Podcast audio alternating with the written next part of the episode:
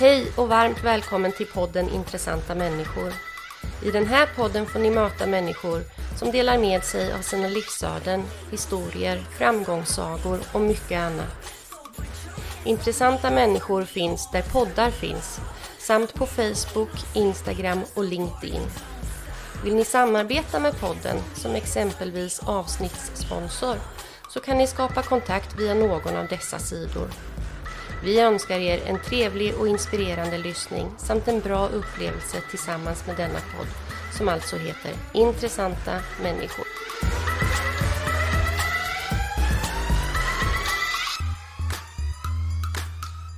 Men vi kör! Välkommen hit Timas! Tack så mycket! Hur är läget? Det är magiskt, det är superkul att få vara här. Ja, Ja. Härligt. Superkul att inte behöva ha den där stressen som du sitter med just nu och behöva ställa massa frågor hela tiden. Nej, jag är faktiskt inte stressig. Jag måste säga det, när man träffar dig så blir man jävligt bekväm på en gång. Ja men kul! kul. Det är ju det är lite utav eh, den anledningen. Dels så tänkte jag att vi skulle prata en del säljmarknad och sen så driver du ju en podd som heter Loungepodden. Som är en utav mina absoluta favoritpoddar, måste jag säga. Du, han är betald för att säga det här. Aj, sjukt bra betalt för att säga det. Nej då. Men du kan väl börja med att presentera dig själv, vem du är, var du kommer ifrån, var du växte upp och lite så. Absolut, hur långt tillbaka vill du att jag går? Bara kör ifrån eh, typ sex och, sex och ett halvt års ålder. Ja, sex och ett halvt år. Åh, sex och ett halvt, jäkla bra ålder. Ja. Ja precis, det var ju dagis hette det på den tiden. Men nu, är det, nu får man inte säga så, det är det ordet nu. Det är det ordet, ja. Det ordet. När jag gick på det ordet så ehm, där träffade jag mina bästa vänner som jag fortfarande känner idag. Det kanske avslöjar lite grann om en ändå. Ja. Mina tre bästa vänner som jag fortfarande umgås med mest av allt är därifrån liksom. Eh, så det är superkul. Vi har liksom, det där är också ganska intressant för jag hade precis Mensas, nu gör jag lite reklam för min egen podd här, Du det är gör din mycket reklam du vill. Mensas ordförande var med i min podd och eh, vi pratade om hur, alltså minnestekniker och inlärningstekniker och så. För de som inte känner till Mensa så är det en organisation för världens smartaste människor. Mm. Elitister som vill ta över världen kallar jag dem för. Han tyckte inte om det men... Det är så. Nej jag skämtar bara, han var jätteskön. Ja, väldigt, väldigt trevlig kille. Väldigt bra avsnitt måste jag Ja säga. men tack, Ja. tack. Jag tyckte de var riktigt bra. Det finns vissa så här, när man sitter så får man, alltså, man för, du vet ju hur det är, man förbereder en del och sådär. Och sen så droppar de några saker som jag inte har tänkt på alls. Och då går man igång som programledare. Eh, och faktiskt blir så här äh, jätteglad och extra glad ska jag säga. Eh, och han sa någonting om det här med minnen, att så här, ta med sig minnen, välja sina minnen. Eh, Jag har också haft en professor i psykologi som är väldigt försiktig med pseudovetenskap och vetenskap som inte är grundat i forskning.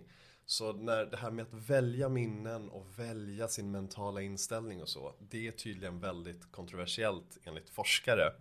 Men inom populärvetenskapen så är det ju liksom allt just nu. Det skrivs ju böcker om hur du ska vakna upp och välja att vara positiv. Det är väldigt svårt tydligen Ja. enligt forskare. Men när, när han då, Mensas ordförande, Björn, Björn Lillqvist heter han, sa välj dina minnen så menade han att det går ju att sätta sig i positioner tillsammans med vänner och så. ehm, att liksom återberätta saker som har hänt. Alltså typ lite nostalgi. Mm. Men att välja att prata om de sakerna som har varit trevliga, roliga eller kanske smärtsamma som bidrar med någon form av energi som du vill ha med dig. Liksom. Och för att göra det på bästa sätt så krävs det ju att du också liksom, har folk runt omkring dig som delar de minnena. För om du bara sitter med dem själv, då är det ganska svårt. Om du, om du inte skriver dagbok eller pratar in en vlogg eller någonting sånt varje gång. Liksom. Ehm, och det där, kanske lite undermedvetet, men det är lite det. Det är ju det som man har vänner och bekanta och kanske sambos och fruar till. Det är därför också smärta när man förlorar någon. För man förlorar ju egentligen, alltså den fysiska personen är ju inte det kanske. Det är tankarna, det är minnena som man delar främst. Liksom. Ja, ja. Ehm, och det känner jag mig jävligt privilegierad att ha de här vännerna som, som jag har haft ända sedan sex och ett halvt års ålder. Liksom. Det är superkul. Så inte, jag vill bara skicka med den. Att, Ja eh, men det är ja. riktigt härligt att höra. Jag har tyvärr inte kontakt med, jo en person tror jag jag har kontakt med sedan den åldern, sedan D-åldern om man säger så. Sen är jag några år äldre för sig än dig så jag, jag, men jag, jag säger dagisåldern säger jag. Ja. Eller det kanske heter något annat då när jag, jag vet inte. Nej men du det är ett väldigt intressant ämne det där för det tänker jag väldigt mycket på det här. Man, att, att man ska välja sina tankar och du väljer själv hur du mår. Och, Hur tänker du kring dig själv personligen? Väljer du, alltså när du vaknar på dagen, jag ser ju framför mig väldigt driven, ambitiös och glad och, och, och inspirationsrik människa. Men hur, hur du måste ju vakna med skitdagar också såklart. Ja, ja alltså absolut. Eh, ganska ofta. Eh, alltså jag är verkligen inte så. Nu, nu, grejen är, det är många gäster jag har som är så här, att man ska gå upp klockan sex och ta vara på dagen och så. Jag är inte så själv. Jag tycker Nej. om att eh, höra om det. Eh, jag tycker om också att utmana det ibland. Ja. Ehm, och det, jag tror att just nu så är det mer populärt att utmana det. Det har varit en tid då det har varit populärt att gå upp klockan fem och inte sova någonting. Ja. Jag tror vi är lite förbi den. Du har ju också jobbat inom försäljning. Just Ja, där ja, är vi visst. väldigt Men tror du, jag har min, jag har min tanke kring det. Jag tror det är Kai Pollak som har förstört allt. Nej jag tror inte det. Jag tror han hängde på en trend som var. Ja, så kanske Eh, det var. ja, och den trenden tror jag kom från USA långt innan Ja. honom. Sen hängde han nog på den. Eh, det här med välj dina tankar och så. Ja, ja. Eh, ja, jag tror det. Det var ganska, ehm, det var en absurd, jag, jag var och föreläste för, jag tror det här var två år sedan. Skulle föreläsa om podden och sen om sociala medier och vad det är för någonting och sådär Ja. för ett mediebolag. Eh, Men det var en extern eh, föreläsning som mediebolaget hade tillsammans med mig. Och då kom Kai Pollak där, först av alla. Och satte sig längst fram. Och han var där en kvart tidigare. Så bara, hej, eh, jag känner igen dig. Han bara, gör du? Jag bara, ja, ja, han blev liksom överraskad. Så bara, den här personen som har vunnit, vad heter priset i Sverige som man vinner? Eh, Inte Grammis va? Nej, det heter...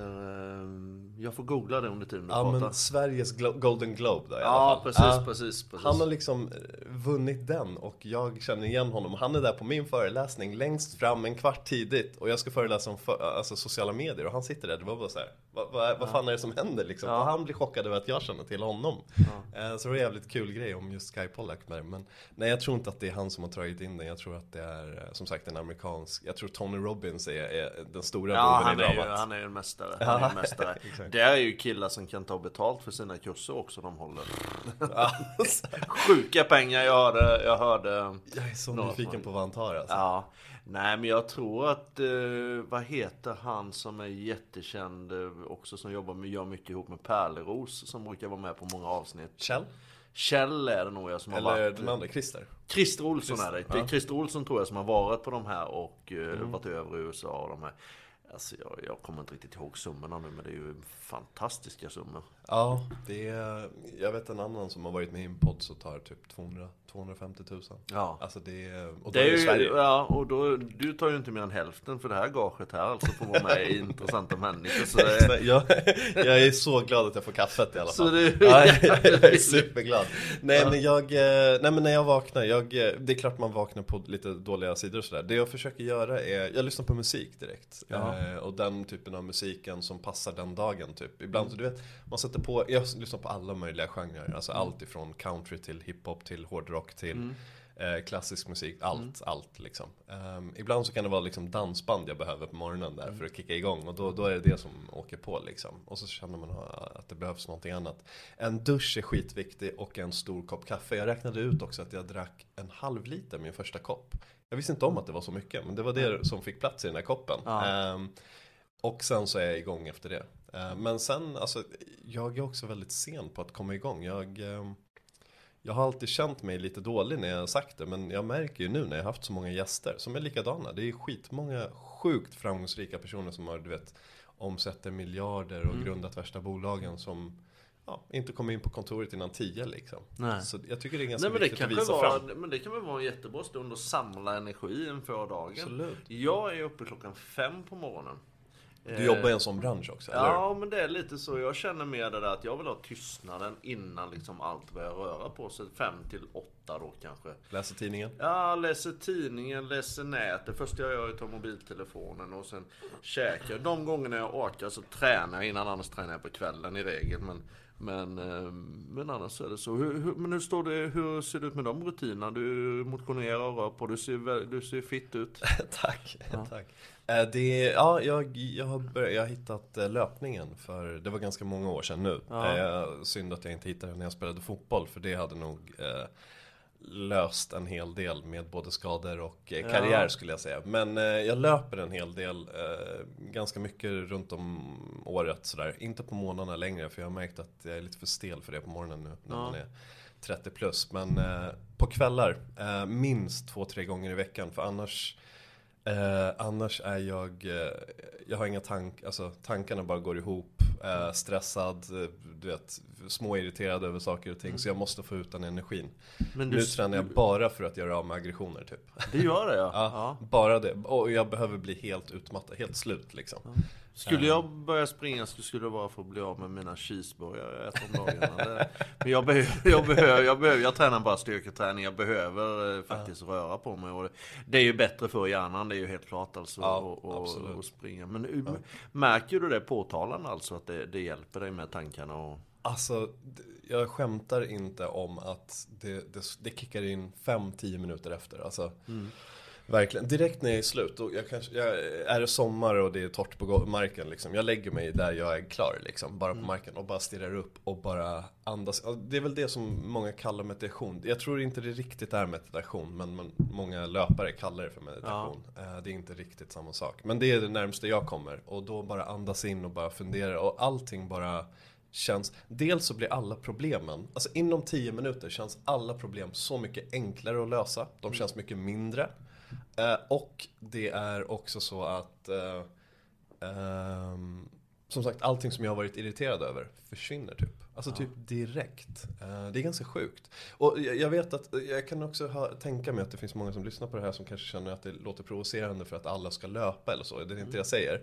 Men det som är så jäkla fint är, jag är i sämre form än någonsin nu. eh, För ja, men, coronaåret, jag har också slarvat, jag har jobbat hemifrån mycket och så. Men det fina med att vara i sämre form än någonsin är att det krävs mycket mindre för att få ut eh, den belöningen. Ja. Nu kan jag gå ut på en promenad på 5 kilometer och nästan få samma sak liksom. Eller springa 4-5 kilometer för att få ut samma energi, alltså för att få samma belöning som jag pratade om precis. Förut så kanske jag behövde springa 10 kilometer eller 11 kilometer för att få ut samma sak. Så det där handlar bara om liksom vilken form man är i, maxa, alltså bara trötta ut det Det är allt som krävs liksom. Det är det enda jag säger. Och alla som säger det där, kom igång med träningen. Jag tror det är det de försöker säga. Förutom, det finns vissa idioter som säger att man måste göra vissa saker och så, så får folk ångest och så börjar de aldrig liksom. Men det enda det handlar om är bara att trötta ut kroppen. Du styrketränar.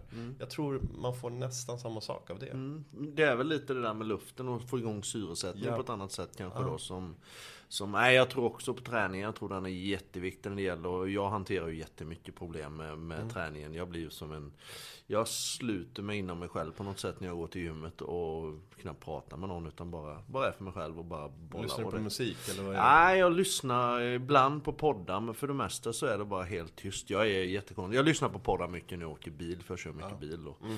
Och varje kväll. Så jag lyssnar nog tre, fyra olika poddar varje dag. Mm, jäklar. Jag har, jag har kommit på mig själv att jag inte ska lyssna på poddar. Det kanske är för att jag jobbar med det. Ja. Det kan vara det. Men jag, eh, grejen är när du lyssnar på poddar så tar du in information och du stänger inte av hjärnan. Träning nu är för mig att helt och hållet bara, Bara koppla stänga av, bort. ja. Ja. Alltså ibland när jag är stressad inför en gäst då kanske jag lyssnar i research-syfte på Ja. löprundan. Ja. Men det, då, då vet jag att det här är ett, ett, ett jobbpass fortfarande. Det här är inte avslappning. Men jag får fortfarande trötta ut kroppen. Ja. Men eh, ett tips är, alltså när ni tränar, lyssna inte på varken intressanta människor eller loungepodden. Alltså, Nej. testa att bara lyssna på musik eller ingenting som du gör. Mm. För jag tror man behöver den där bortkopplingen alltså. Jo Majoriteten men det är nog sant. Det det. Alltså. det är nog sant. Ja. Det är nog sant. Eh, din eh, tonårstid. Den var, eh, jag skulle säga att den var så ganska problemfri, eh, Mm. tror jag. Eh, jag är ganska bra på att så här, ehm, tror jag, se tillbaka på saker och ting på ett positivt sätt. Antar, Mm. att det är, antar att jag är lagd så jag vet inte. Men jag pratade med en vän häromdagen som också, vi lärde känna varandra genom fotbollen då när vi var kanske 12 år. Han sa det att han, han gillade inte tillbaka, att tänka tillbaka på sin tonårstid. Eh, ja men du vet när man klär sig olika och du vet man, man, man är eh, extrem i sina åsikter åt olika håll eller liksom, ja men fjortistiden liksom Ja, ja. Eh, men jag älskar den, jag tyckte den var, det är jävligt kul. Alltså titta tillbaka på bilder och garva åt sig själv och sådär. Mm. Ehm, och vi gick igenom nästan samma, alltså vi gick igenom typ likadan eh, ton, tonår. Sådär.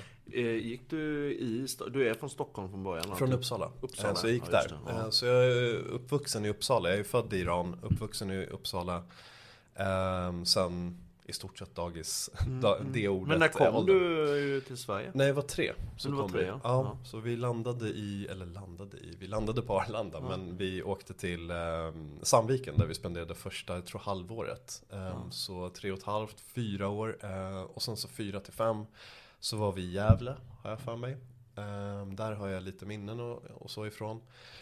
Och sen efter det så var det Uppsala från Mm. fem års ålder.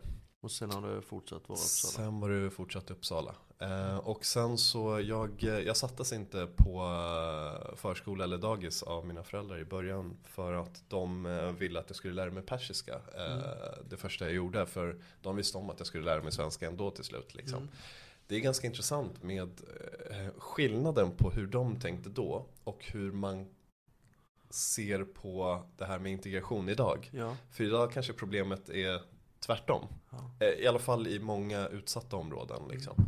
Ehm, där också folk är födda här. Ehm, vilket ibland kan såklart, alltså det är väldigt många som är, funderar liksom på hur kan det vara så att man är född här och fortfarande inte är fullt kunnig på svenska liksom. Jag har inte svaret på det. det är, jag tänker att jag Jag, alltså jag lys, lyssnade, är fel ord, men jag tittade på den här eh, gängkriminaliteten, eh, del 1 och 2, den här eh, dokumentärserien som var nu. Just det. Men det är ju inte egentligen hemmaspråket heller, eller om man ska säga. Det är ju någon form av tredje, fjärde, femte Ja. språk. Alltså någon, någon konstellation. Ja, det är väldigt mycket ord man inte förstår överhuvudtaget. Ja. Om man inte... Jag hänger med på det språket fortfarande. Ja. Så det är tredje, absolut. För det, det är många av dem som inte kan eh, sitt egna hemspråk Nej. heller. Ehm, det är det som är slående. De, det, är så här, ja, men om det är någon iranier då med iransk bakgrund så kan de inte persiska. Nej. Och sen så kan de inte helt och hållet eh, svenska, eh, liksom, språket ibland också. Alltså nu är det verkligen generaliserande, men nu pratar jag om de som vi faktiskt pratar om som är Ja, precis. Ja, liksom. självklart. Ja. Ehm, det, är, det är lite fascinerande sådär och en, en ja, det, jag, jag har hört lite flera olika teorier om det där. Den, de är intressanta men jag tror det är lite för långt att ta här. Men Jo, men det är det klart. Men problemet nu är ju det egentligen, så som jag ser det, eh, det är väl det att man duckar för problemen väldigt ofta istället för att upp med det till ytan. Och vad ska vi göra då? Tillsammans, ska vi göra någonting? Vad, har, vad, har, vad är det för nyckel till att lösa integrationsbiten? Hur känner du? Hur ser du? Eh, Jag håller med. Eh, Det har nog varit så att stänga. Nu tycker jag att det inte är så. Nu Nej. tycker jag så här, nu har det varit, eftersom att det har varit lite sådär som du har sagt. Mm. Jag upplever samma sak, att man inte har pratat om det kanske, eller att man inte tagit tag i det. Ehm, och det, det kanske har funnits eh, rädsla för att det ska upplevas som rasistiskt. Ja. Men det kanske är effekten av att man inte har pratat om det och hjälpt de här personerna rent på samhällsnivå. Mm. Det kanske är det som Kanske har effekten blivit rasistisk. Ja. Jag, jag vet inte. Nej. Men, eh, men nu så tycker jag inte det är så. Nu tycker jag att det är en explosion i att prata om det här. Dock så nu tror jag att vi behöver fundera på hur vi pratar om det och vilka som får leda det samtalet. Den tycker jag är Precis. ganska viktig. För Jätteviktigt. Eh, vilka som tar stafettpinnen kan ju förändra eh, liksom, hur personerna målas upp. Eh, speciellt om man har en, en, en syn av att det kanske inte är eh, personernas egna fel att det har blivit så. Ehm, och så, nu kommer vi in på individen jämfört med kollektivets ansvar. Sådär. Ja, precis. Ehm, jag är faktiskt inte säker, jag försöker inte vara politiskt korrekt här, men jag, jag vet faktiskt inte. Jag har alldeles för, jag brukar säga att jag är lite för eh, okunnig för att ha en ställ, Ja. inställning till det här. Ja. Men, ja, Vi väntar till han svänger förbi. absolut.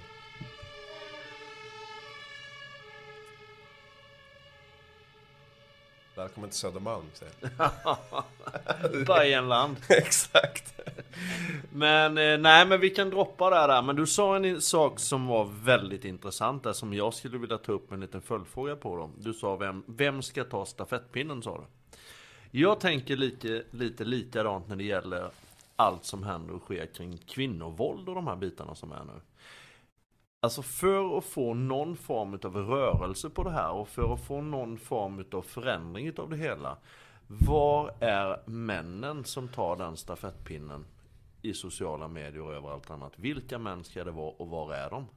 Nu är det jättebra att Linnea Claesson och Nina Runge och allihopa de här är ute och demonstrerar och det är kvinnostrejk och de här bitarna. Men var är de här männen som ska ta den stafettpinnen? Alltså, eh, de finns, no- en del finns. Men vet du vad de kallas nu? Eh, av de som blir provocerade av de männen. Nej. Eh, termen är pick me, eh, pick me mentalitet. Jaha, okej. Jag, jag, jag tror det är Joe Rogan som har gjort det populariserat. Det har väl säkert funnits innan honom men nu är det populärt att då när någon man eh, höjer rösten om att så här, men ska vi inte ge lite plats åt kvinnan och prata lite och sådär. Vi har liksom tagit plats och hit och dit och sådär och säger saker som då upplevs som godhetssignalerande. Eh, då, då får de epiteten pick me guys. För eh, pick me mentalitet handlar då alltså om det som de menar då är att eh, männen som försöker leka goda för att de tror att kvinnan ska välja dem för att de är Jaha. fina och goda. Ja, okej. alltså ja, ja. opportunister. Ja, just det. Eh, Så det går liksom inte att vinna. Det som är lite eh, intressant med... eh, Jag, jag gillar ju att följa de här debatterna liksom lite på Ja, där och bara f- försöka f- förstå. Eh, Men eh, de som ja, höjer rösten blir eh, stämplade som det nu. Och de kvinnorna, precis som du var inne på, när kvinnor pratar då är det så här, ah, okej men du är kvinna, du vill bara ha fördelar, du inser inte att eh, det Nej, här är precis. över. Det finns, det, jämställdheten är redan här. Nu, nu är du bara, alltså lite så att man, man kanske slänger sig med att eh, nu är du bortskämd. Det finns riktiga problem för kvinnor i andra länder, men i Sverige så finns det inte.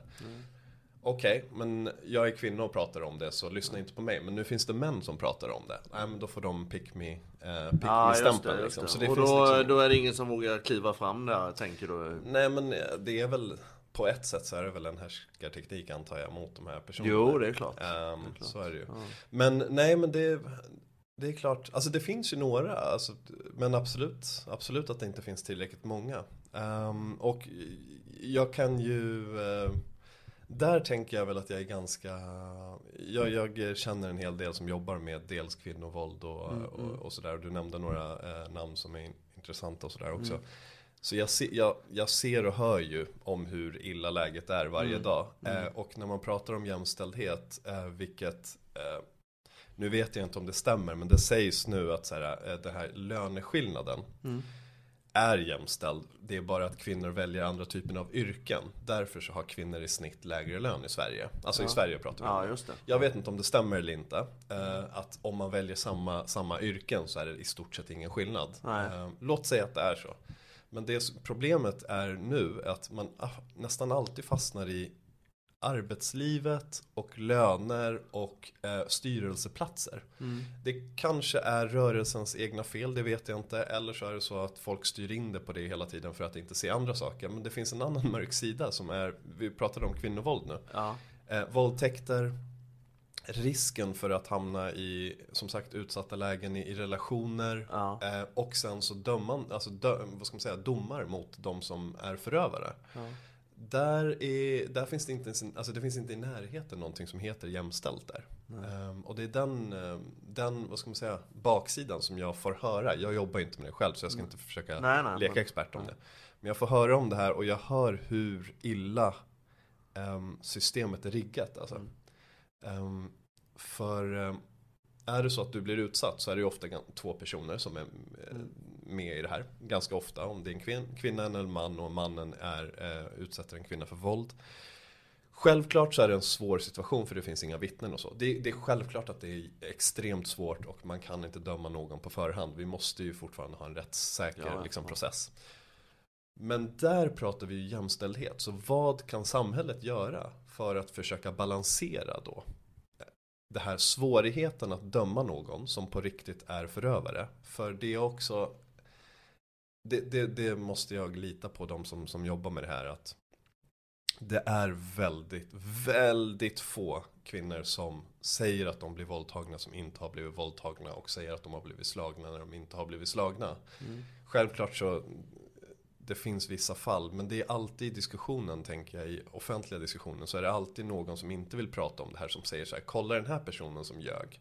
Den här personen som ljög versus de här 99 procenten som Inte eh, ljög. Inte ljög, Ja. liksom.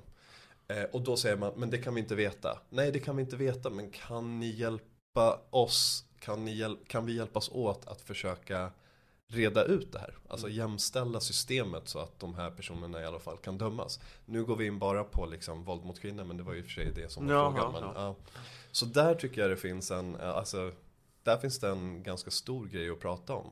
Och ganska mycket och blanda in då jämställdhet. För jämställdhet handlar om hur säkra vi känner oss i ett samhälle. Hur, vilka möjligheter, vilka likadana möjligheter vi har eh, i ett samhälle. Och ehm, när vi väl utsätts för orättvisor. Mm. Hur behandlar samhället oss liksom? Mm. Och som män så är vi ju väldigt få, i och för sig så är kanske de främsta våldsbrotten män mot män i och för sig. Mm. Men män har också eh, ett annat sätt att kunna skydda sig själv också.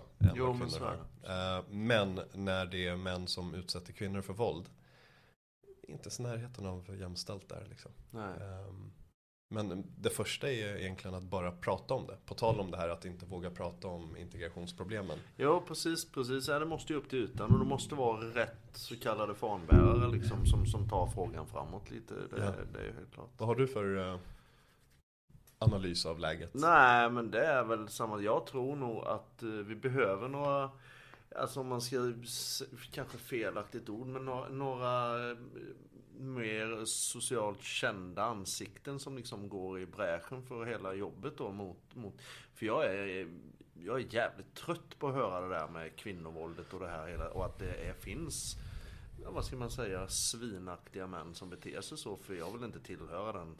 Alltså man, jag tycker inte det är... Jag tycker att det är neandertalartid alltså. När man beter sig så. Det borde, det borde vara ett jävligt jämställt samhälle. Det borde inte finnas sådana personer ute som beter sig så. Varken mot kvinnor eller mot barn eller mot någon annan. Nej.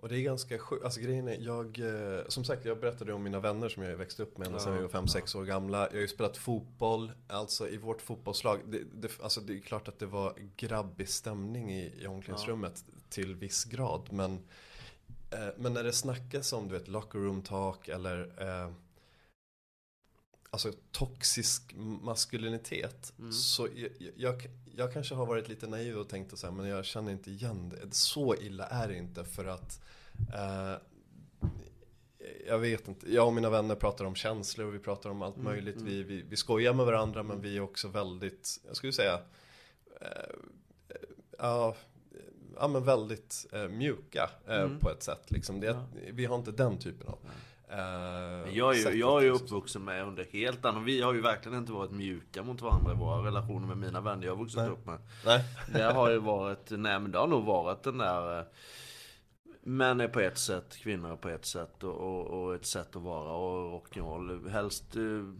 stenhårt och iskallt. Alltså man ska Ja. inte visa känslor och de här bitarna. Nej. Sån är jag uppvuxen och, Ja. men det är ju sån min eh, och eh, men Men det var det jag tänkte säga, för jag tror jag har varit naiv för jag inte riktigt har sett det, för jag har umgåtts med de här grabbarna liksom. Sen har jag sett lite, någon här och någon där, då har jag förklarat det eh, för mig själv lite grann och kanske när jag har diskuterat med andra att men det finns en eller två rötägg lite här och Ja. där. Lite samma sak som jag pratade om nu. Ja.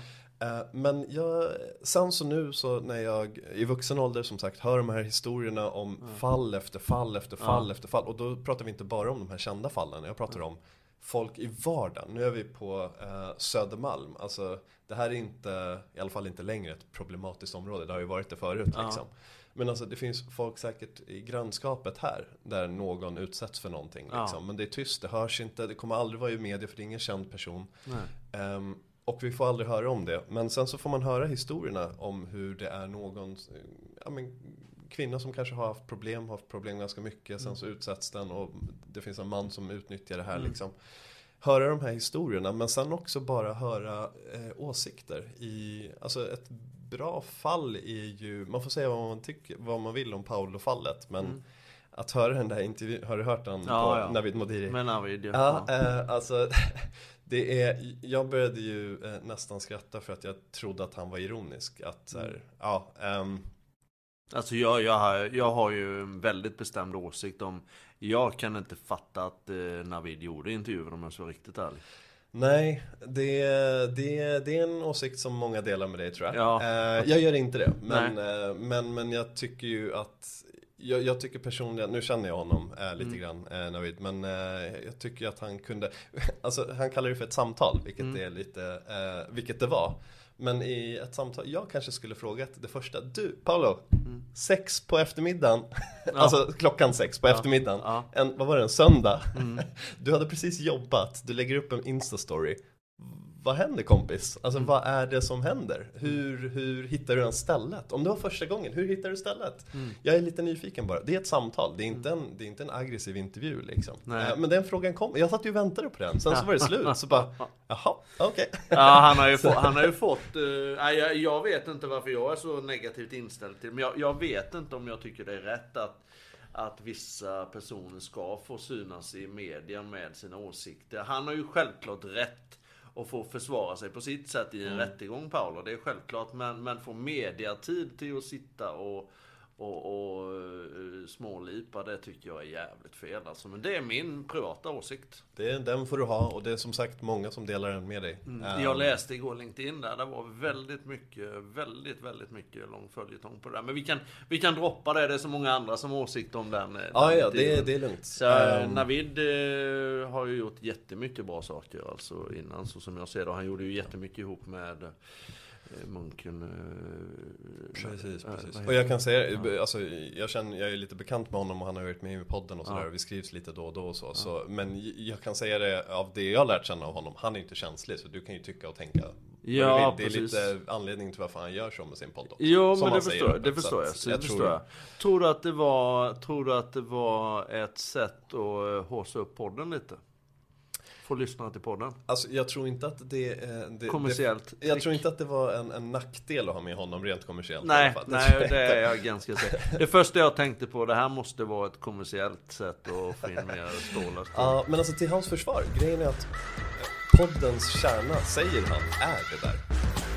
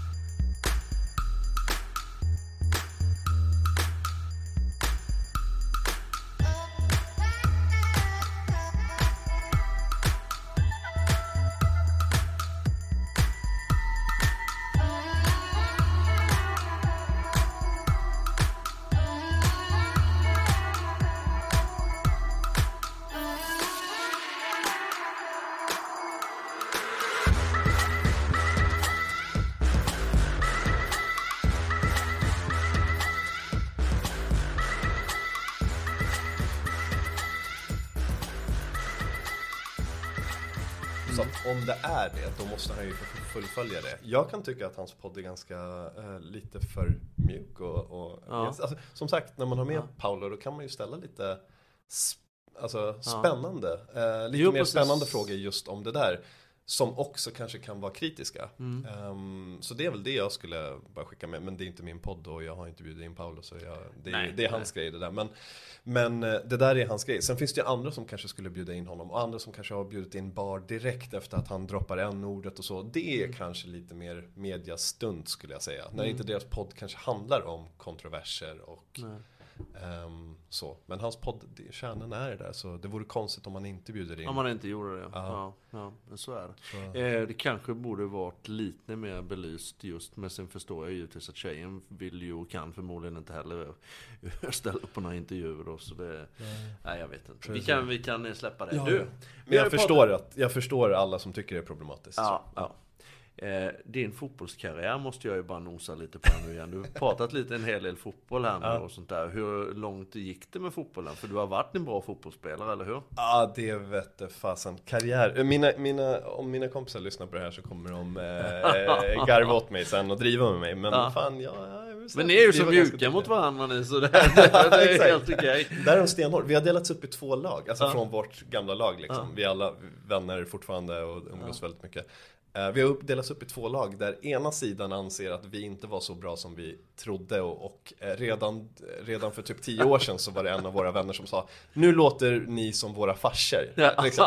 Eh, Och sen så finns det vi, jag är på den andra sidan där vi säger så här, fan vi var nog en av de bästa i Uppland liksom. Eh, För vi, vi var i division 1 och vi vann, vi vann division 1-gruppen Ja. liksom och så. Ehm, eller förlåt, division 2 kom upp i division 1 så vi var Ja. bland de bästa där.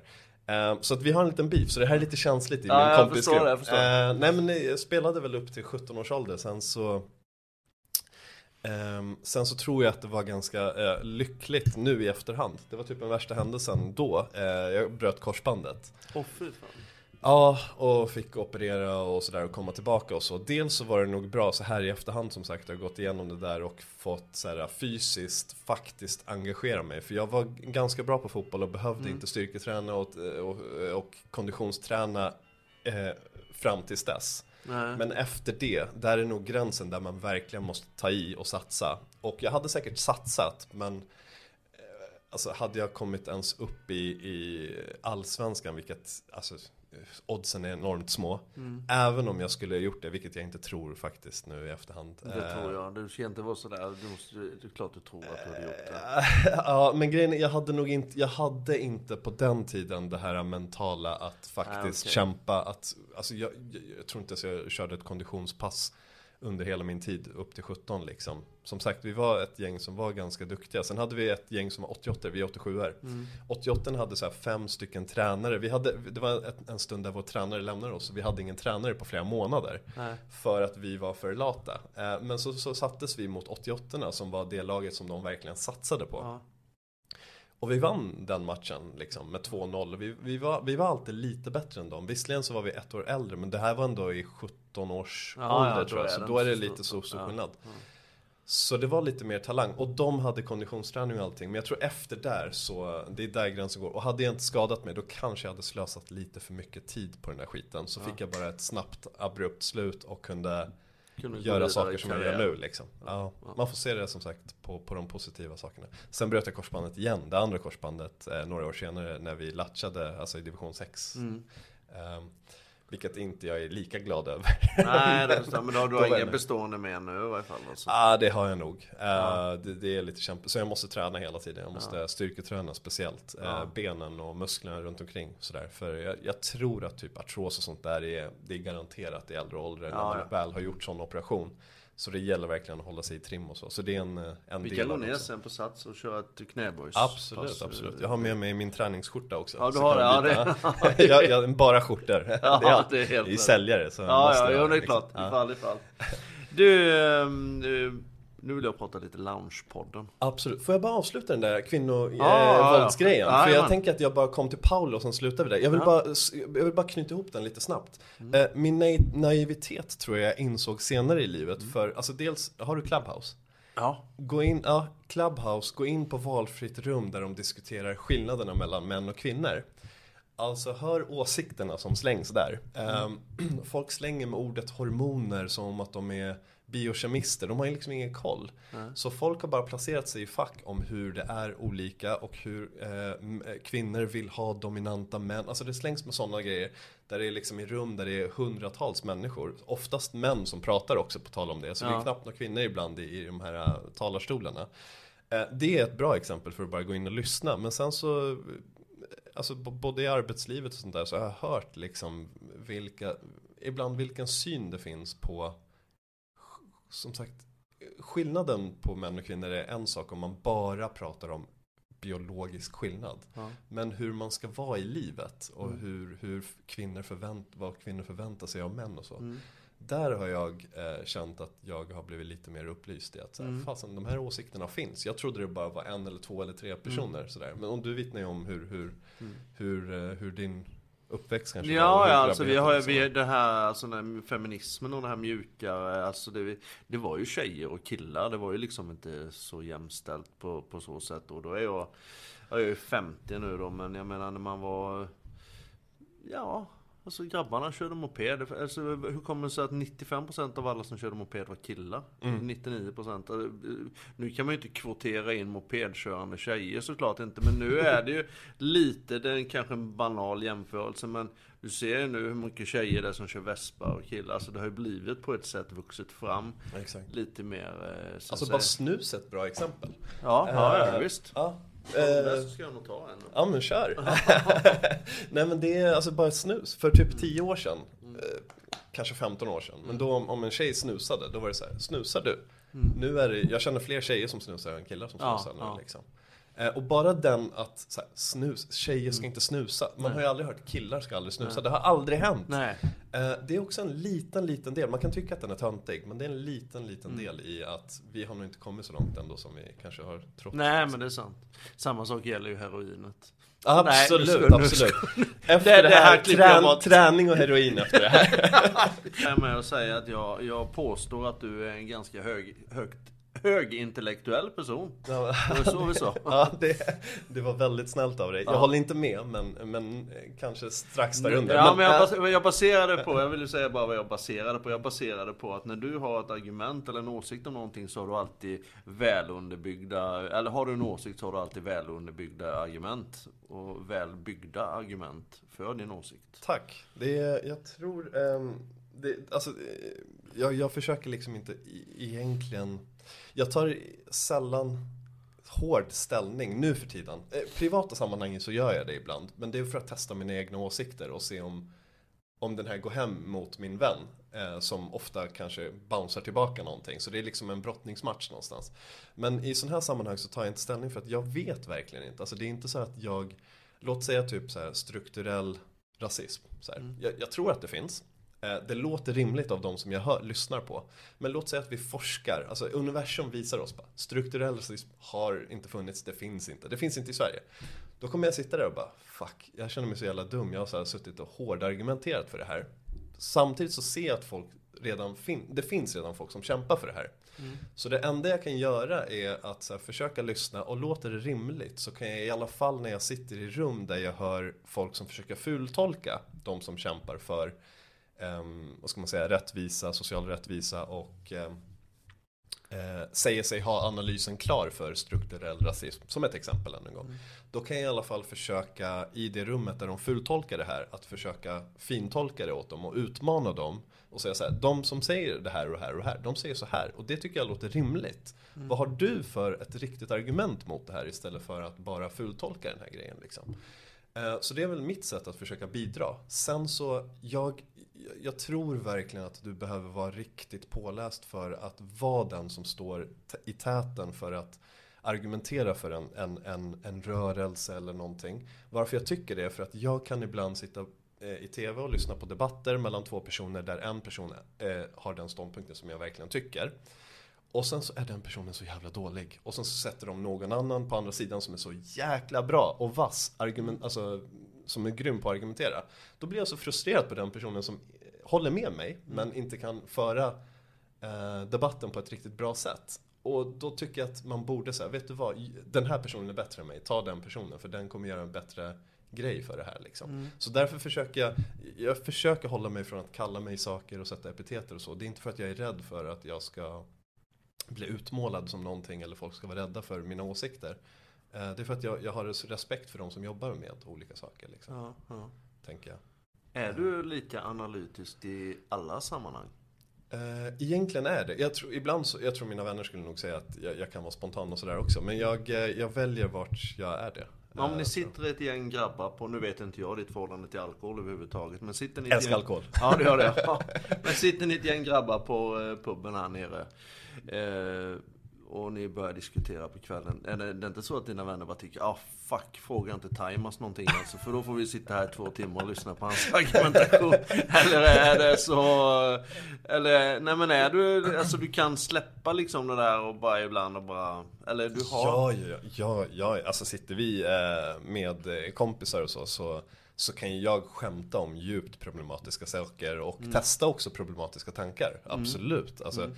Jag kan ju också droppa att jag är så jäkla tr- Alltså det kan ju vara någon, någonting jag håller med om. Mm. Jag kan ju driva med typ någon som kämpar för någonting som jag verkligen tycker är väldigt gott och väldigt fint. Och så, så kan jag driva med den personen och den personens åsikter.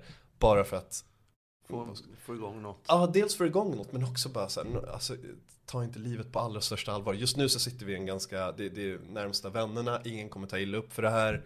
Ehm, vi behöver let, let off som steam säger man på engelska va? Ja. Alltså lätta på trycket Ja, lite grann. lite. Livet är för allvarligt och här kommer ingen skadas, det här är en ganska safe space liksom. Så här kan vi liksom testa det. Också, också testa sina ehm, problematiska tankar och idéer. Ehm, och det är det jag har väldigt stort problem med just med den här integritetsgrejen. Och det är det som jag har lite problem med när folk då tar upp saker som kanske folk har skrivit eller sagt för tio år sedan.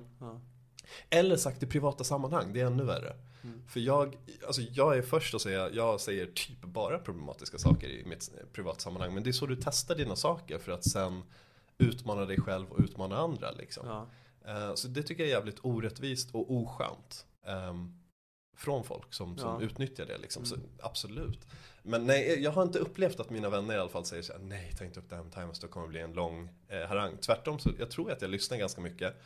Men ibland så kan jag gå igång på någonting när jag känner så här, fan du är ju inte ens påläst om det här, varför sitter du och tycker så Nej, mycket liksom? nej. Då bara, fast det gör vi alla här, jo det är fan sant. Liksom. Så Ja. sitter vi där och så. Ja men det, jag, jag tror det är skönt. Jag kan tänka mig att eh, vissa personligheter som är på krogen som kanske kommer i en diskussion med dig och sånt här. Bara, Ja, lite sån där, för du är... Nej men, eh, ja du förstår min Nej men tanke. det, det jag tror att, det, jag har haft chefer som blivit provocerade av den här grejen. Det här är nog den enda grejen folk brukar bli irriterade på. Det är ju att jag är för diplomatisk. Ja. Alltså typ, jag har haft en chef som, som tog in mig i ett rum efter, jag tror vi hade jobbat tillsammans ett eller två år. Det är min bästa chef någonsin. Han tog in mig i ett rum. Han bara, Timas, Fan, kan du någon gång säga bara vad du faktiskt tycker? Ja. Bara, men det, sluta vara så jävla diplomatisk. Jag bara, det är första gången en chef säger att jag ska tona ner någonting. Liksom. Ja. Eller jag trodde inte att chefer sa så liksom. Men eh, då tyckte han att jag skulle ta lite mer ställning för olika saker. Ja. Ehm, men eh, nej, det är nog det som folk blir lite mer frustrerade över. Men jag tror att jag är ganska bra på att styra, det är därför jag har en podd antar jag. Att styra samtalet och försöka belysa kanske någon problematisk grej som du säger genom frågor. Ja, det, det märks ju på din podd alltså. Du är väldigt påläst inför varenda samtal och alltihopa du har. Du kan ju bakgrundsfaktorn, du kan ju alltihopa. Du läser ju regel på ämnena. Ibland har jag till och med uppfattat som att de du intervjuar vet lite mindre om sig själva än vad du i själva verket vet. Nej, men du kan ju... Man ska ju ofta prata om geografisk balans och de här bitarna och sånt där. Och du kan du, du har ju kännedom om de områdena som du ger dig in på. Ja, ibland, det- ibland så är det så. Men det, det är därför jag kallar det för ett samtal. Sen är det lite orättvist ibland också eftersom att jag kanske har pluggat på om saker och ting som de kanske kan. Som de kunde för 20 år sedan som jag pluggade på sista veckan. Ja. Eh, Så det är li, li, lite fusk. Men jag, ibland så kan jag faktiskt, jag håller med dig, ibland så kan jag faktiskt bli, det har hänt.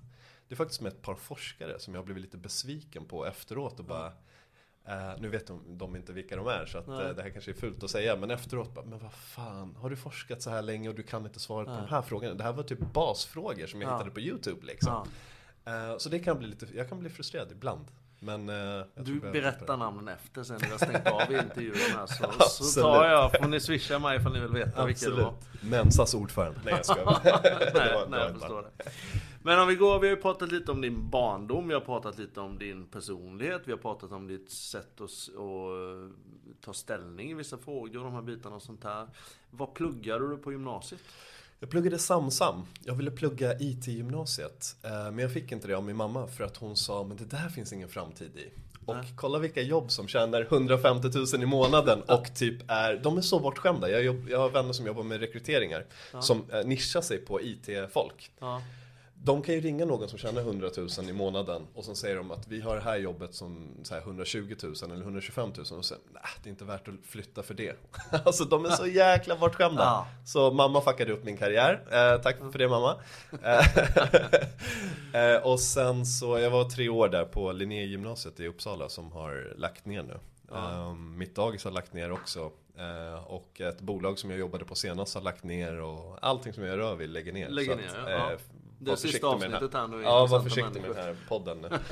Ehm, så, så jag gick tre år i gymnasiet där, sen så, jag var väldigt skoltrött. Jag har aldrig gillat skolan Nej. på det sättet. Eh, som du märker i podden så gillar jag ju eh, kunskap och så. Men jag gillade inte sättet i skolan. Jag, hade, eh, jag var väldigt mycket mer så här, idrott och fotbollsintresserad. Det jag gick igång på var filosofilektionerna. Så det är det enda som jag, som jag hade VG i, förutom persiska.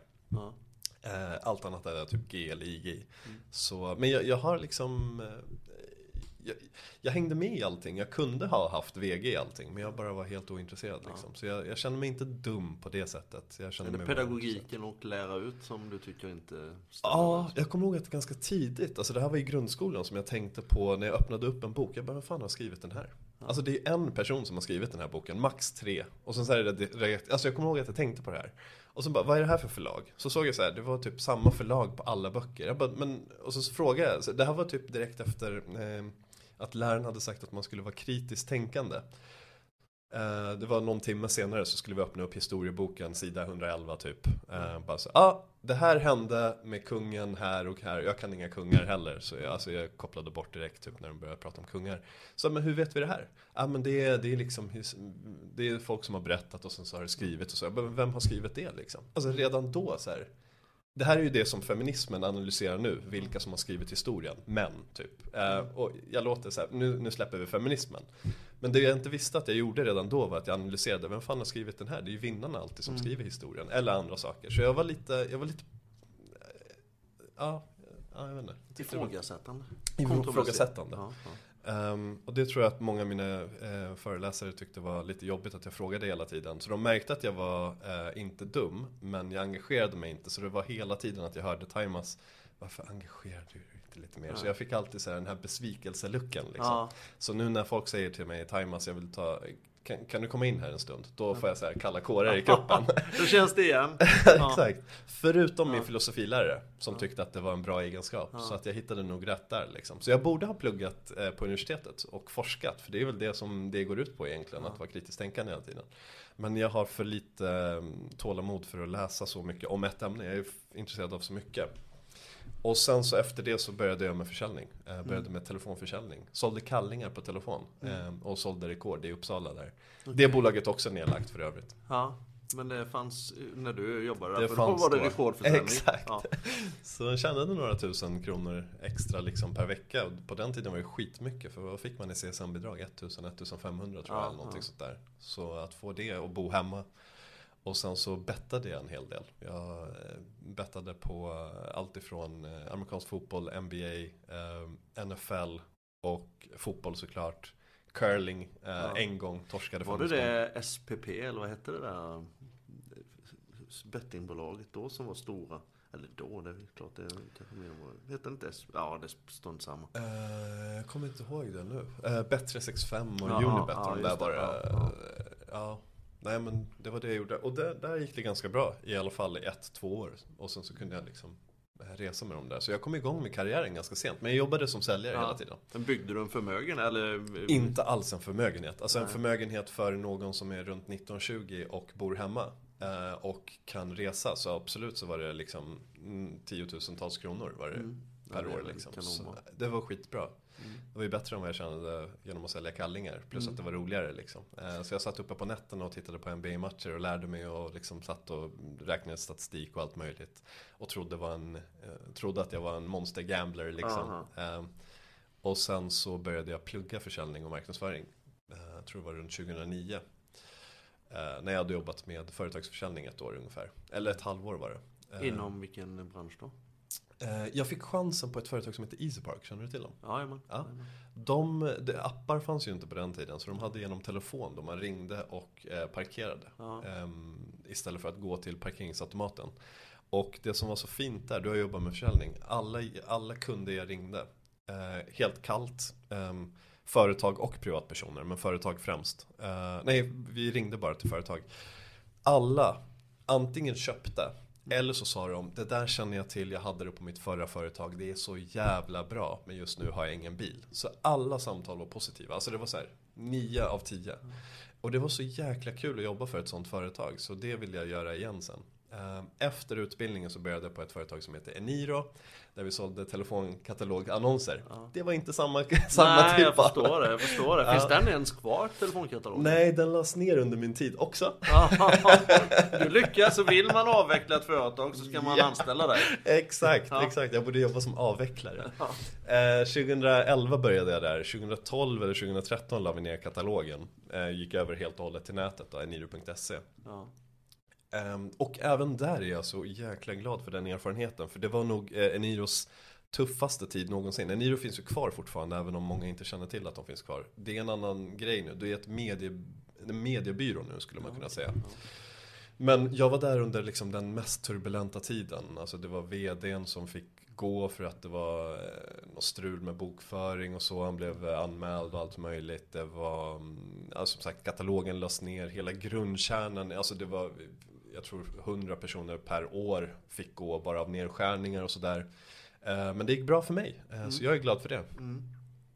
Spelar den in fortfarande? Ja. Ja.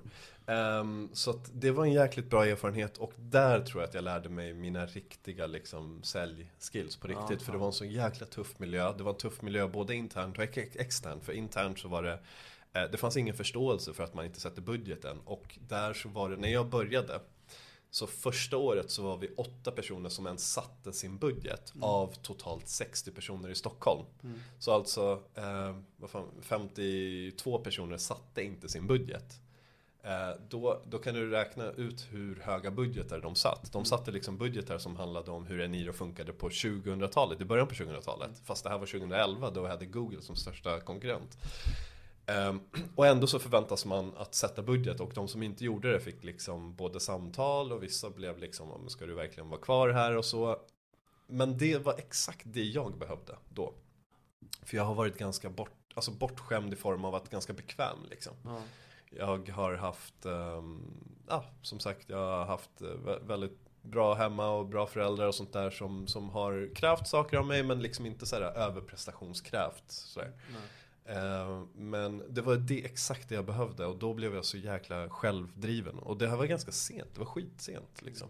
Ehm, så då gjorde jag ganska bra ifrån mig där och blev alltifrån årets säljare till, eh, alltså på regionen till hela Eniro, hela Sverige och så. Ehm, och runt 2014 så tröttnade jag lite grann eh, för att jag ville inte bli chef. Jag har aldrig riktigt jag, jag vill inte ha det slutgiltiga liksom, ansvaret över människor. Jag, jag respekterar även den väldigt mycket. För Mm. jag, jag har haft väldigt bra chefer och de som är jävligt bra. Alltså det är ett, det är ett craftmanship i sig alltså, att Ja, vara en ledare. Det, man ska inte underskatta det. Bara för att man är en duktig säljare så är man inte en bra ledare. Liksom. Det är det som ofta är misstaget i säljbranschen. Du vet ju om det här säkert. Ja, ja, ja. Väldigt väl. Sen så fick jag chansen och möjligheten att jobba med min största dröm, jobba inom fotbollen och eh, sporten. Så jag jobbade för ett företag som heter Lagardère Sports som är det då som har lagts ner nu. Eh, men det gjorde det sex månader efter att jag slutade, så det var inte mitt fel. Nej, Eh, du var vi- delaktig. jag var delaktig, högst delaktig skulle man kunna säga. Där skrev vi vårt första avtal med AIK Fotboll där vi gick in och var deras helt och hållet kommersiella aktörer. Vi skötte den kommersiella biten och skötte laget liksom. Samma sak med Friends Arena, Helsingborg, ehm, inte Kalmar. Eh, men, eh, men, eh, ja, det var fler. Det var, Men när du säger att ni gick in och skötte, ni skötte all marknadsföring och sponsor, ja, Ja. all den aktiviteten då? Precis, så de hade en egen sälj och marknadsavdelning som, som då tyvärr för dem fick gå innan vi kom in då. Så det var en helt extern del. Så det var vi, men alltså vi var ju typ AIK utåt. Sådär. Mm. Eh, men för min egen del så var jag också del av ett centralt liksom, säljteam där vi då paketerade kan man säga eh, rättigheterna som vi hade att sälja till marknaden. Till exempel till Volvo eller Ja, eh, ABB eller vilka fasen som helst. Åbo. Exakt. Ja. Eh, Då tog vi alla de här fotbollsklubbarna och arenorna som vi hade rättigheter till och gjorde olika paket och gick ut till marknaden. För det som är problemet i Sverige inom, inom idrotts, idrottssponsorskap och så är att den största klubben, det största varumärket är för litet för Volvo. Mm. Det är så- alltså, AIK fotboll är ett bra exempel. Jag, jag ringde till, nu ska vi inte nämna några kanske företagsnamn här men vi gick till olika typer av eh, företag som är Volvo-klass. Låt oss ta Volvo, jag pratade med dem. Då, då sa de så här, men vi, vi, vi vill jättegärna gå in där, men vi behöver i så fall också gå in i Hammarby och Djurgården. För att går vi in där så tappar vi den marknaden och att bara gå in här och tappa den marknaden, det är inte värt för oss. Liksom. Nej. Aha, okej. Eh, och då så var vårt jobb att försöka då hitta ett större värde totalt sett. Att Ja, liksom gå ut så. Eh, och sen så kan ju det innebära lite olika tvister och problem och sådär med de olika klubbarna och sådär. Och det gjorde det. Och varför jag säger det här nu för att det var ganska offentligt och öppet i media och så. Så att eh, det var ingenting som var hemligheter. Men eh, det var en, en tid som var jävligt kul. Det, baksidan med att jobba med sin största passion är att jag eh, tröttnade på fotboll och Ja. sport. Alltså det var så här. Att se baksidan var både kul, utvecklande men också lite tråkigt. Ja, det kan jag tänka mig. Man blir mätt på allting kan jag tänka Ja. mig. Ja. På tal om bortkoppling. Ja. Det är därför jag, jag tror det kanske är lite därför jag inte vill lyssna på podd när jag då löper. Det är för Nej, att nu vill jag göra någonting annat. Ja, liksom. ja. Eh, Så att det var det jag gjorde i 3-4 år. Sen så kom idén till det som kom att bli Loungepodden då. Ja. Eh, Men eh, jag vet inte om jag bara babblar på här. Nej, babbla på. Du babblar inte. Jag är Nej. jättenyfiken. Eh, det var egentligen en annan idé. Det, alltså det, jag kommer dribbla bort både dig och mig själv om jag går in på den idén. Eh, men det var typ en plattform för säljare och marknadsförare och sådär. Som, eh, där podden skulle vara bara en sidogrej i hela den grejen. Ehm, och då började jag med den och den tog så mycket tid som du säkert har märkt. Jag gör ju allting själv med klippning och allt sånt där också. Plus bjuda in gäster och spela in och så. I början så hade jag inte en fast plats utan jag, jag meckade upp eh, mickar och podd och så i en lounge bokstavligt talat på eh, här i Stockholm vid eh, Amaranten hotell Ja, i. Kungsholmen där. Eh, och för er som hör det här, jävligt fint hotell, jävligt härligt hotell och jävligt bra folk där som, som gav mig chansen också att förstöra deras lounge varje gång jag skulle ha en gäst där. Så vi satt bokstavligt talat och drack vodka-drinkar klockan 12 på dagen med Alltså rekryterare och entreprenörer Ja. som var med i podden. jag förstår inte att de gör det, men de gjorde det. Och så satt vi och pratade om business och entreprenörskap och marknadsföring. Ja. Sen så märkte jag att det tog så mycket tid. Så att jag, jag tänkte jag går all in på en eller andra. Antingen så får jag se podden som en verkligen sidogrej och göra den på 15 minuter. Men inte ha riktigt, riktigt kul så som jag har det. eh, Med de här en, två timmars samtalen. Eller så får jag lägga ner det andra och satsa på podden helt och hållet. Så podden blev en helt egen grej. Så nu är det podden liksom. Ehm, och det har lett till massa andra saker i form av att det är folk som har frågat mig, alltså företagare och andra poddare som ringer och vill att jag ska producera deras poddar och så eftersom att de vet att jag gör allting själv. Ehm, föreläsningar och eh, även hjälpt olika företag med deras marknadsföring eh, och, och nå ut och så. Som inte har med podd och sådär att göra. Så att, eh, Men nu är det, det är liksom din huvuds, huvudsysselsättning om man säger så. Det är poddar och, Ja. Och de här bitarna. Ja, exakt. Och det som är lite lyxen med att vara säljare. Eh, det här är också till alla som inte är säljare där. Som kanske är eh, både yngre men äldre också. Som har funderat att gå i säljbanor. Alltså det som är så jävla fint med försäljning och varför jag älskar det. Det är för att alltså dels så är det en men, eh, personlig utveckling. Alltså sälj är personlig utveckling i grunden. Det är därför också vi nördar ner oss i sådana som Tony Robbins och så. Även om man man får tycka vad man vill om välj dina tankar och allt sånt där. Det kan finnas mycket skit. Men i alla fall så gör, försöker vi göra någonting åt vår personliga utveckling. Liksom. Det är ena saken. Den andra saken är att när man kan försäljning och man kan marknadsföring så betyder det att det enda du behöver koppla på är någon passion eller någon produkt. Vilken produkt som helst. Vad som helst. Så kan du säkert, alltså då kan du tjäna pengar på det. Mm. Eh, och tjäna pengar är ett fult ord ibland. Det börjar bli ett annat typ av ord i Sverige nu. Ja. Men för 20 år sedan så var det ju väldigt fult att bara vilja tjäna pengar. Men tjäna pengar på din passion handlar ju om att om du vill jobba mot, om vi ska gå tillbaka till strukturell rasism. Eh, om du vill kämpa för det och jobba för det så behöver du fortfarande försäljning för att kunna göra det här Mm. på heltid. Så då kan du eh, tjäna pengar till ett gott syfte. Det syftet lägger man ju ingen värdering i. Tjäna pengar är ju bara så att du kan engagera dig i det du ska göra liksom. Och det är det med podden också då att när jag startade podden så Dels så hade jag kontakter redan från att jag har jobbat med marknadsföring och sponsring hela Nästan hela mitt yrkesliv eh, Om man går tillbaka till Eniro-tiden Och sen så eh, Sen så kan jag ju försäljning och jag kunde den branschen väldigt bra också. Så då var det liksom, vad är det värt att vara med i en podd? Ställer de, eh, ställer de flesta av, eh, ja men det finns vissa som hör av sig och frågar mig om, om hur man startar sin podd men också det, hur, hur säljer man in marknadsföring i sin podd liksom. Eh, De svaren hade jag ju redan från början. Eh, Och svaret på den ska ni få alldeles strax. Jag ska inte, und- alltså, inte, inte gå förbi den bara från ingenstans. Men, eh, men de svaren hade jag från början och sen så var det bara att börja sälja liksom. Så det är det som är så jäkla fördel med att vara Ja, säljare i ja, jag instämmer till 100% i Ja. allt du säger.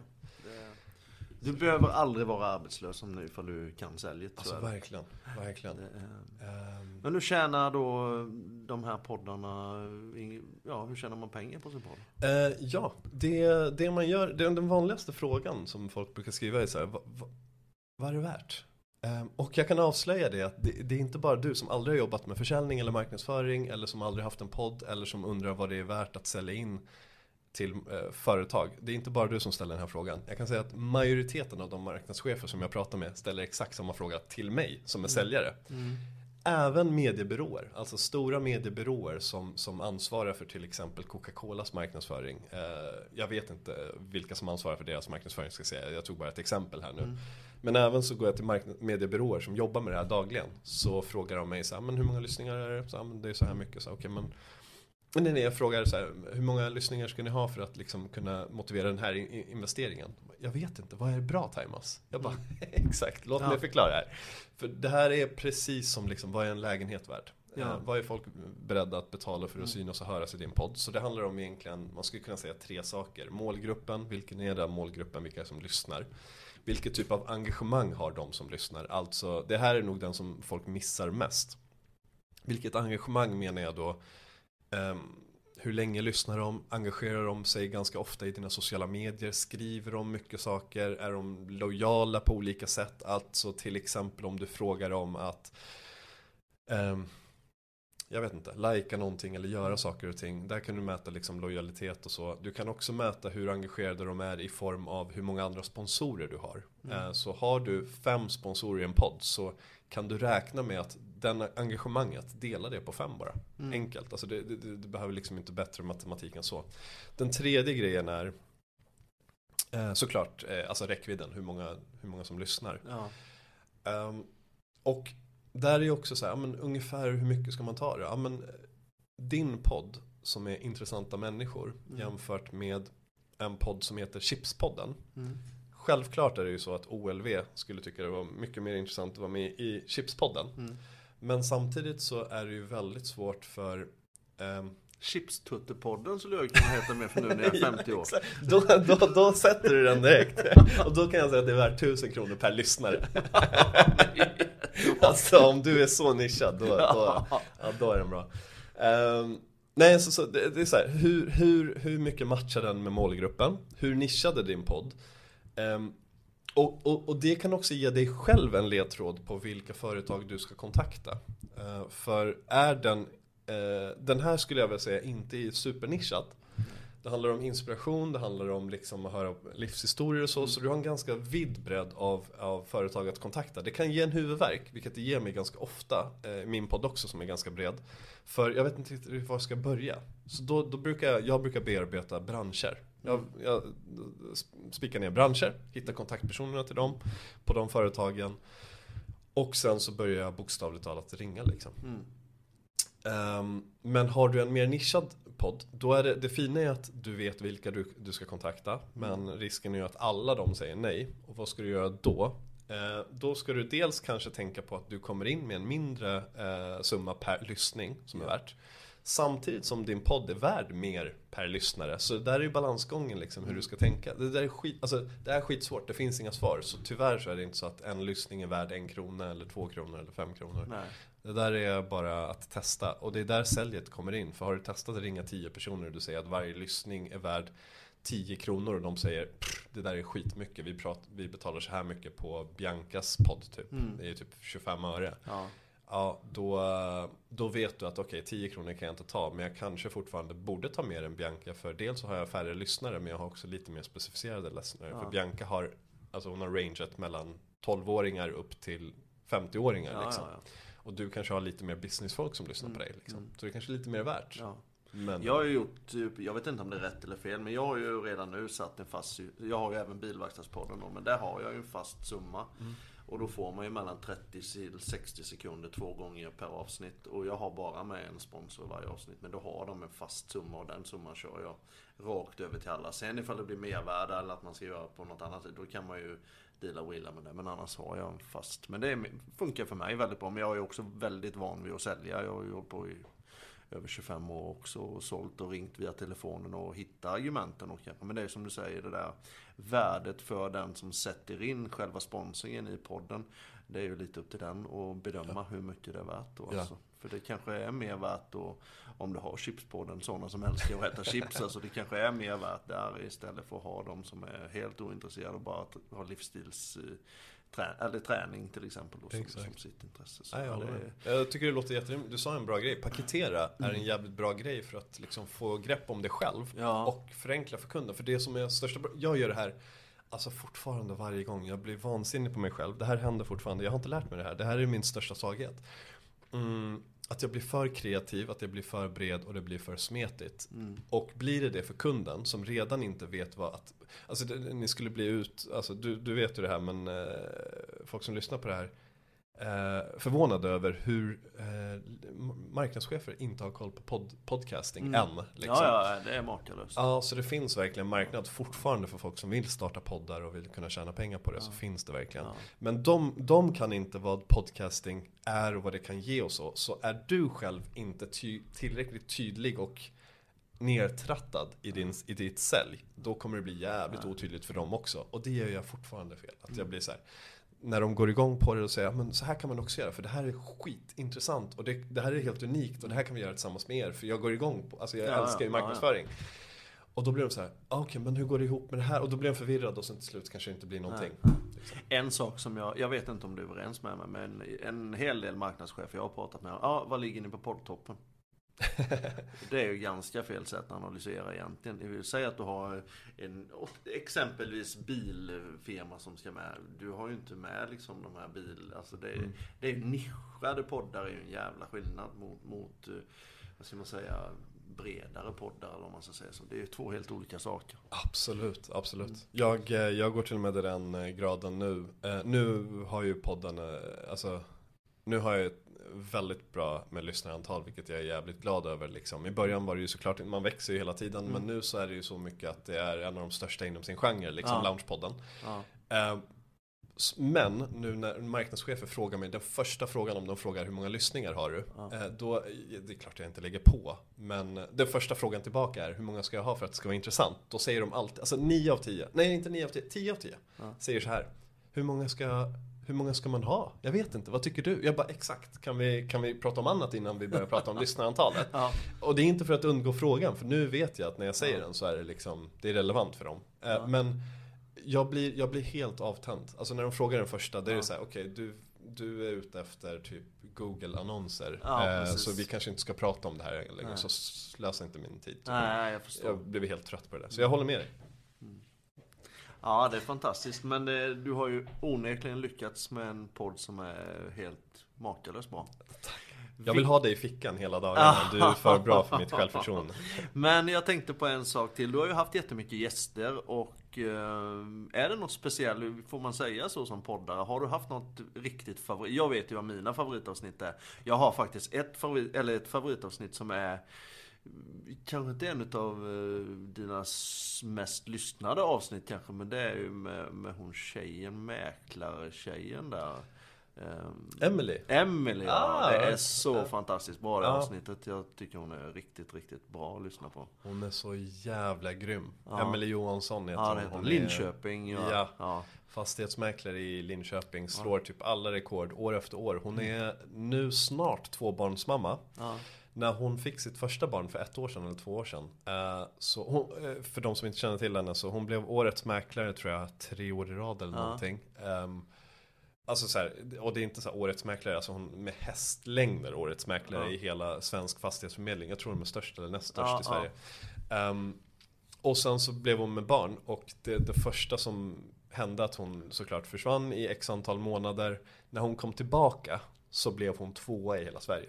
Alltså, Ja, det är- Och det var typ på tre månader. Ja. På tre månader så blev hon tvåa i hela Sverige. Alltså, det Vad är det är hennes personlighet som gör att hon... eh, Ja, dels det, men hon, hon har hittat, det, det jag upplevde, eh, jag träffade henne några gånger nu, det jag upplevde att hon har hittat en rejäl struktur som hon faktiskt också levererar på. ja. Det är många som, det är därför jag inte målar upp mig själv som att vara den här som vaknar upp 5-6 när jag inte gör det. Jag gör det ibland, jag har perioder, men jag tror att hon gör så 12 månader per år. Och år efter år efter Ja. år efter år. Eh, och hon har inte ens ruckat på det när hon har gått igenom kanske den mest livsförändrande eh, erfarenheten som man kan ha som människa liksom. Så har hon inte ruckat på det. Jag tror att det är hennes struktur. Alltså, Ja. hon vaknar upp varje morgon, tränar. Eh, hon har liksom, alltså träningen är typ 45, jag vet inte om det är 45 minuter sen är hon på jobbet. En timme senare, varje dag. Mm. Eh, sen tror jag att hon kanske då har offrat ganska mycket privatliv, vilket många gör. Ja, men det är klart. Så, ja. Är man karriärist så, Så är blir det ju, så blir det ju så. Ja. ja men kul att du lyssnar på den. Ja. Avsnitt tre. Ja, jajamän, jajamän. eh, Vad heter det? Favoritgäst? Eh, precis, man, man får ha det. Ja, men jag menar önskegäst, om vi säger Ja, önskegäst du då. menar så. Ja. Oh, en är... En är faktiskt Quincy Jones, den tredje. Mm. Ehm, han är, för de som inte känner till honom, en producent. Han har stått bakom ganska mycket av amerikansk hiphop-rap på 90 och i början på 2000-talet. Mm. Han är liksom eh, en av pusselbitarna för varför hiphop och rap blev så jävla stort och han är svensk. Mm. Eh, och ja, bor här i Sverige nu också, så han har ju kommit tillbaka. Son till Quincy Jones, den andra då, som är. Michael Jacksons stora producent och Ja. legend, legend, legend liksom. Men jag, jag, jag, jag tycker sonen är mer intressant. Ja. Eh, så han är en av dem. Ehm, vilket är lite, kanske lite otippat eh, med tanke på att jag har mycket entreprenörer och så. Eh, sen var det en till som jag faktiskt har, för jag får den här frågan ganska ofta. Det var en till som jag kommit på, men jag har glömt bort nu. Mm. Som jag har. Han Mikael Bergvall kan det vara kanske han som är Ja, ja, intressanta abs- människa. Det, men det trodde jag att det var bara ut, alltså, det var, Det var en självklarhet. Det var en självklarhet. Men eh, vem är det mest speciella samtalet du har haft? Eller speciella, alltså det, alla samtal är ju trevliga, låter de som i varje fall. Men unika samtalet. Precis. Ehm, jag tycker, jag ska kolla här lite snabbt. För det är lätt, alltså det här är ju typiskt, du vet efter att när jag har gått så kommer jag komma på att Fan den där borde jag ha sagt liksom. Och det är inte att jag är rädd för att säga någon. Det som är fint, du vet ju själv hur det är. När du har din egen podd och du inte har en massa producenter som säger vad du ska göra så får du ju bara välja de du verkligen själv vill ha. ja, ja, ja. Liksom. Så det. Eh, så det är det som är det fina. Men jo, alltså Håkan Lans var väldigt speciell. Ja, uppfinnar-Håkan. Ja, Ja. Eh, och för de som inte vet om det är så är det en av vår tids största uppfinnare i svensk historia. Alltså, Så ja. han blir snuvad på hela, på hela uppfinningen va? Ja. GPS-biten. Exakt. Ja. Han har kommit på det som vi kallar för GPS. Det är inte riktigt GPSen men det vi kallar för det. Han har kommit på färgdatorn. Alltså varför vi ens kan spela spel på datorerna och har, alltså färgdatorer är han som ligger bakom. Och musen, datormusen. Ja. Alltså det är fler, han, har till, han byggde en ubåt med sina egna händer tillsammans med en vän när han var 18 år gammal. Liksom. Mm. Han jobbade för eh, FOI som Ja. är eh, Försvarets eh, forskningsinstitut. Han var forskningschef där va? Jag tror det. Ja. Jag tror det. Ja. Han har en sjukt spännande historia och Ja. har liksom Ja, de snodde patentet för han och sen så blev han erbjuden x antal miljoner för, att, för någon skadestånd eller någonting sånt här. va? Något, eller- Nej jag tror tvärtom så blev han inte Han blev erbjuden att inte betala mångmiljonsbelopp På grund av att de stämde honom eh, För någonting, jag vet inte Ja, vad just det. Sen Eh, slapp han det och gjorde en förlikning där ja. Ja, och för de som undrar vilka är de? Det är alltså amerikanska staten med CIA, FBI och Pentagon och alla i ryggen. Alltså det, vi skämtar inte. Så absurt är det. Ja, det är det var därför det var väldigt speciellt. Ja, ja. Plus att han, jag, jag fick ju fråga honom några gånger och sådär. Till slut så sa han ja. Och sen så fick jag komma hem till honom. Eh, och det är liksom där han har suttit och han har ju bott där hela tiden. Så det är där han har suttit och kommit på de här idéerna. Så vi satt i hans stuga. Eh, spelade in i kanske två, tre timmar. Och sen så pratade han så mycket så att jag kom inte därifrån på 12 timmar. Inte för att jag ville därifrån. Ja. 12 timmar var jag där. Så klockan 12 på natten så ringde min flickvän och bara vad fan. Alltså jag blev orolig liksom. Och det här var på du lördag. det där, jag är full med Håkan Lans. Exakt. Du, alltså det var så absurt. Så det är därför det blev så speciellt. också. Ja men det är väl jätteroligt. Ja, det det måste var vara fantastiskt kul. Alltså, ja, jag känner ju samma sak när man träffar de människorna som jag träffar och, och får träffa dig och får träffa förhoppningsvis då kommande gäster och de här bitarna. Det, det, det, Ja. det är... Eh, Sen var Oatlys grundare också väldigt Ja, spännande och precis. speciellt. Mm. Eh, för han har gjort någonting som både utmanar en hel bransch och Mm. eh, nu sålde de ju precis, såg du det? nej, De sålde, det- Oatly ehm, blev eh, Havremjölk. börs, ja exakt, Ja, ja, havremjölken ja. och så. Som väldigt många har väldigt starka åsikter om, Ja. åt båda håll. Jag förstår Ja. inte hur havremjölk har blivit liksom Nej men det Sveriges... har jag, jag lyssnade på det, eller jag har ju lyssnat på alla avsnitt tror jag. Så, Ja, så, men shit vad nej, fint. Det, Ja. ja, det är jättebra. Nej men de börs, eh, jag ska avsluta det bara, de, de gick ut på börsen nu Och eh, det har rapporterats om att han då, Rickard Öste och hans bror som, som grundade det Men Rickard Öste är ju ke- ke- kemiker, eh, Ja. ke- heter det? Kemist? heter det. Kemist ja. ja. Kemist, jag kallar honom för Walter White eh, Och havremjölkens Walter White i Ja. podden eh, Breaking Bad eh, Ja precis. Eh, de, de, det rapporteras om att de fick dela på, jag tror det var fyra eller fem miljarder eh, Mm. kronor nu när de börsnoterades för de ja, sålde ju sina andelar liksom. Det då klarar de sig resten av Ja, jag livet. tror det. Så, jag tror det. så eh, det gäller att jag håller en bra kontakt med honom nu framöver. Står det. Swishen börjar dingla in. Exakt! Du, Rickard, kan du swisha för den här koppen kaffe liksom? Jättetack för att du ville vara med på den. Stort tack för att jag fick vara med. Ja, det Ja. var fantastiskt roligt. Det var superkul. Vi, jag är helt övertygad om att vi hade kunnat sitta och prata i flera timmar här också. Ja men det tror jag. Och, eh, men du har ju många andra gäster som, som ska få lite tid också. Så att inte den här mannen tar all, all luft här. Jag hoppas att det finns andra kvinnor som får lite plats också. Där. Ja, det är väl klart. Det är väl klart. Sköt om dig. Detsamma, ciao!